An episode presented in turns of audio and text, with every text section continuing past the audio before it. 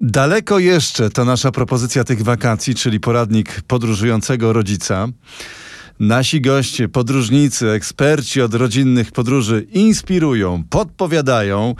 Kamila i Paweł Florczakowie, znani w sieci jako Ready for Boarding, są z nami ponownie. Witamy, dzień dobry. Cześć, dzień dobry. Cześć. Ludzie w Polsce dzielą się na tych, którzy kochają Bałtyk i tych, którzy, jeżeli mogą, obierają kierunek południowy. Jak to u Was wygląda? Rodzina, przypomnę, 2 plus 3. No, raczej nie do końca nam po drodze z naszym Bałtykiem. Prędzej wybieramy Bałtyk poza sezonem. E, raczej w sezonie też się zdarza, że tam e, jesteśmy, ale raczej nie na długi wypoczynek. Zdecydowanie bardziej południe. Mhm. Natomiast zimą zdarza nam się częściej dotrzeć nad Bałtyk, więc wtedy mamy okazję zaczerpnąć trochę świeżego powietrza. To dlaczego zimą akurat? Jest trochę taniej, jest mniej osób. I tak jakoś zawsze po prostu wychodziło. Tak jest. A co ma Bałtyk takiego, czego nie mają inne miejsca? Bałtyk to nie tylko morze, chociaż, znaczy tak, nazwa wskazuje morze, wybrzeże. Natomiast my jeździmy tam nie tylko po to, żeby wejść do wody, pluskać w wodzie. E, jeździmy tam, bo też jest wiele innych ciekawych miejsc i atrakcji dla rodzin z dziećmi, a również jesienią czy zimą można sobie naprawdę pospacerować po plaży e, i po prostu zaznać trochę spokoju. Ale wróćmy jeszcze teraz do wakacji. E, wakacje nad morzem z dzieckiem, na co zwrócić uwagę?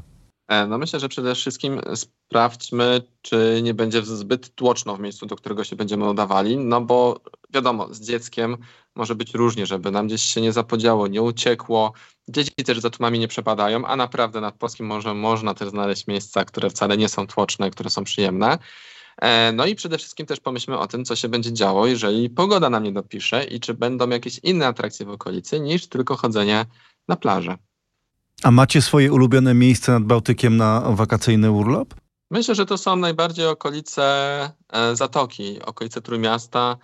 E, po prostu tam jest bardzo, bardzo dużo atrakcji, nawet nie samym w Trójmieście, ale również w okolicy, we Władysławowie, Jastrzębiej Górze i generalnie e, w każdej tak naprawdę mieścinie zawsze coś się znajdzie ciekawego dla, dla rodzin.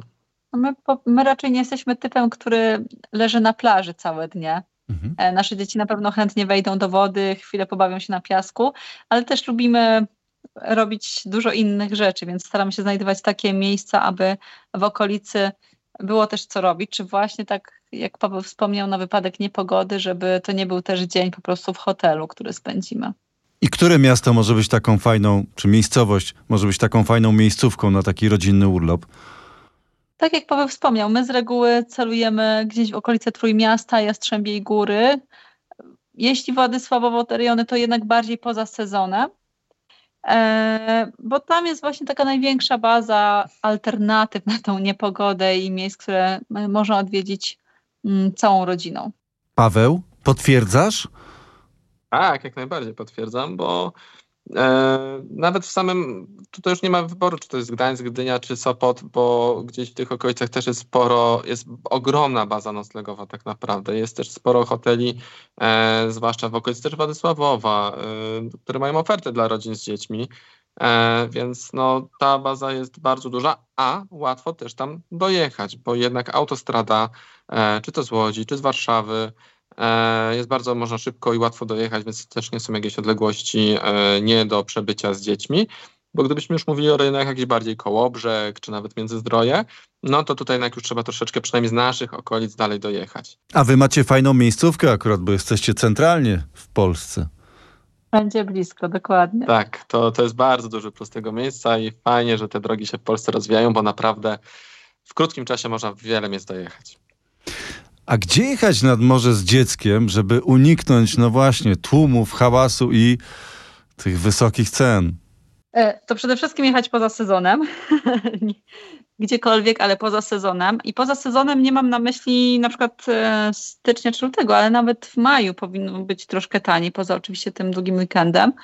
E, we wrześniu, w październiku, jeżeli mamy taką możliwość, kiedy jeszcze te, te dni są długie, pogoda nie jest aż, temperatury nie są aż tak bardzo niskie, chociaż w niskich temperaturach również można, można niekoniecznie morsować z dziećmi, chociaż jak ktoś lubi i ma starsze dzieci, to czemu nie?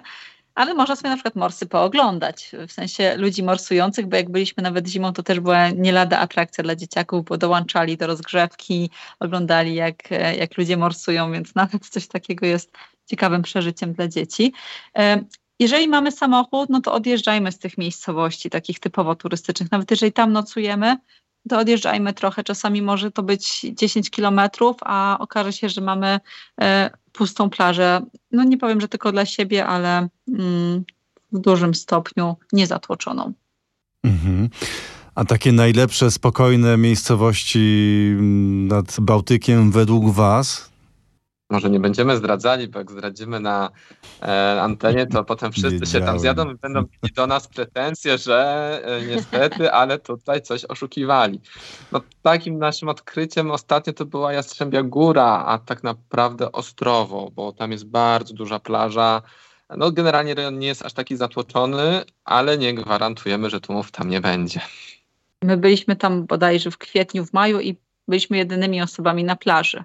Z tego co wiemy, w okresie wakacyjnym też nie jest tam aż tak źle. To jak wygrać los na loterii, żeby znaleźć takie miejsce. No właśnie, czy macie swoje ulubione dzikie miejsce nad morzem? Nie, nie mamy takiego ulubionego, ale też w Rewie bardzo lubimy na Cypel. Mm, sobie podjechać, tam bardzo, bardzo fajne jest to mm, zrobione, więc naprawdę można mieć bardzo długi, przyjemny spacer. E, Fakt, że my tam też bardziej w takim okresie majówkowym e, jeździmy i też naprawdę nie jest, nie jest tłoczno.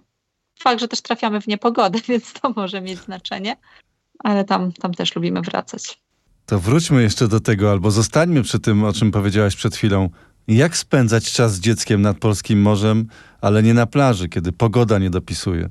No tak, kiedy ta pogoda nie dopisuje, czyli kiedy pada, no bo nawet jak jest chłodniej, to na tą plażę spokojnie można pójść. Na plażach są czasami również place zabaw i te place zabaw są otwarte, więc nawet jak jest troszkę zimniej, to, to nie, nie ograniczajmy tego świeżego powietrza. Natomiast e, szczególnie kiedy no jednak pada, kiedy jest deszczowo, śnieżnie, to również jest sporo atrakcji e, otwartych przez cały rok i, i głównie w, tych, w miastach większych, gdzie możemy z dziećmi spędzić miło czas. I na przykład takim e, miejscem będzie akwarium gdyńskie, gdzie można sobie na kilku piętrach oglądać e, stworzenia wodne. E, nie tylko z Bałtyku, ale również jest pewna wystawa dotycząca tylko flory i fauny lokalnej. Tak, jest tam też bardzo fajna makieta tak naprawdę całego Bałtyku. Można się bardzo dużo ciekawych rzeczy dowiedzieć o morzu, nad którym tak naprawdę większość z nas kiedyś przynajmniej raz spędziła swoje wakacje. Więc to jest bardzo, bardzo, bardzo fajne miejsce. Też odkryliśmy je w sumie całkiem niedawno, nie byliśmy świadomi, że takie miejsce gdzieś w tej mhm. Gdyni e, jest. I tam jest nawet specjalna, e, dedykowana taka ścieżka dla dzieci. Z tego co pamiętam, to trzeba nie chyba nawet nie aplikację mobilną mieć w telefonie, ale trzeba szukać pewnych elementów na wystawach, więc jest to też bardziej angażujące dla dzieci. Ciekawym miejscem też jest w Gdyni zresztą e, eksperymentorium. Eksperyment. Eksperymentorium, eksperyment e, w mhm. Gdyni, czyli takie fajne miejsce, gdzie dzieciaki też mogą doświadczyć różnych doświadczeń, e, praw fizyki, iluzji optycznych i to też jest bardzo fajne miejsce. Głównie oczywiście na niepogodę, ale warto też tam sobie pojechać, nawet jeżeli świeci słońce, bo pamiętajmy, że nawet jak jesteśmy nad morzem i mamy codziennie piękną pogodę, to warto też te inne miejsca ciekawe odwiedzić. W dużych miastach, tak jak wspomniana Gdynia, pewnie jest to prostsze, a w małych miejscowościach? Obserwujemy, że w mniejszych miejscowościach też jest, e, powstają te miejsca, czy to specjalne jakieś miejsca do insta zdjęć na przykład, które gdzieś niedawno odkryliśmy, czy park wieloryba. Nie jesteśmy pewni tylko, czy one są Zawsze trzeba sprawdzić, czy one są czynne przez cały rok, e, ale w okresie wakacyjnym na pewno są otwarte i, i wspomniany przeze mnie Park Wieloryba to fantastyczne miejsce, bardzo pięknie zaaranżowane, gdzie chodzimy sobie pośród modeli zwierząt. Możemy zobaczyć wieloryby, e, rekiny, różne stworzenia morskie, przyjrzeć im się w każdym detalu, no bo są znacząco powiększone. Tak, zdecydowanie to było znaczy te najmniejsze są powiększone, oczywiście te największe nie. Tak, to by było zdecydowanie jedno z tych miejsc, które nas bardzo pozytywnie zaskoczyło, e, bo bardzo fajnie zaaranżowane, bardzo fajnie przygotowane. Oczywiście ono nie jest miejscem zakrytym pod dachem, więc jeżeli będą jakieś ulewy, to, to raczej tam nie pójdziemy, ale no jeżeli mamy niepogodę, słońce nie świeci, mamy chmury, to czemu by się tam nie wybrać? Możemy też polecić ogrody Hortulus, o których y, wspominaliśmy kiedyś wcześniej. Mhm. Y, też bardzo fajne miejsce w okolicy Koszalina. Tak naprawdę tam można spędzić cały dzień i może być mało. Mm, bo tak naprawdę tam są dwa ogrody i możemy to sobie podzielić na, kilka, na dwa oddzielne dni zwiedzania. Mhm. E, I też super miejsce dla dzieci, gdzie nie dość, że poznajemy ciekawe rośliny, możemy się wspiąć na wieżę widokową, zabłądzić w labiryncie, no to też poznajemy jakieś ciekawe e, podania i legendy. A jeśli szukamy innego rodzaju rozrywek, możemy na przykład zwiedzać latarnie mhm. nad, e, na polskim wybrzeżu. My ostatnio byśmy E, odwiedziliśmy latarnię Rozewie. E, tam są dwie tak naprawdę latarnie. E, oczywiście są czasami różne wymogi. O ile dobrze pamiętam, to tam chyba dziecko musiało mieć 120 cm wzrostu, żeby w ogóle móc wejść, więc warto się mhm. też wcześniej zorientować. Ale jest to też e, fajne miejsce, no bo nie codziennie można wejść na latarnię, zobaczyć e, wybrzeże z góry. I w okolicy oczywiście jest też kilka atrakcji typu dom do góry nogami, czy wystawa latarni, mm. są motylarnie, więc um, z reguły w tych turystycznych miejscowościach są te atrakcje dla rodzin z dziećmi. A na Helu na przykład, co byście polecili? E, my na Helu za każdym razem de facto jak byliśmy, to polecamy tak naprawdę wybrać się na sam koniec.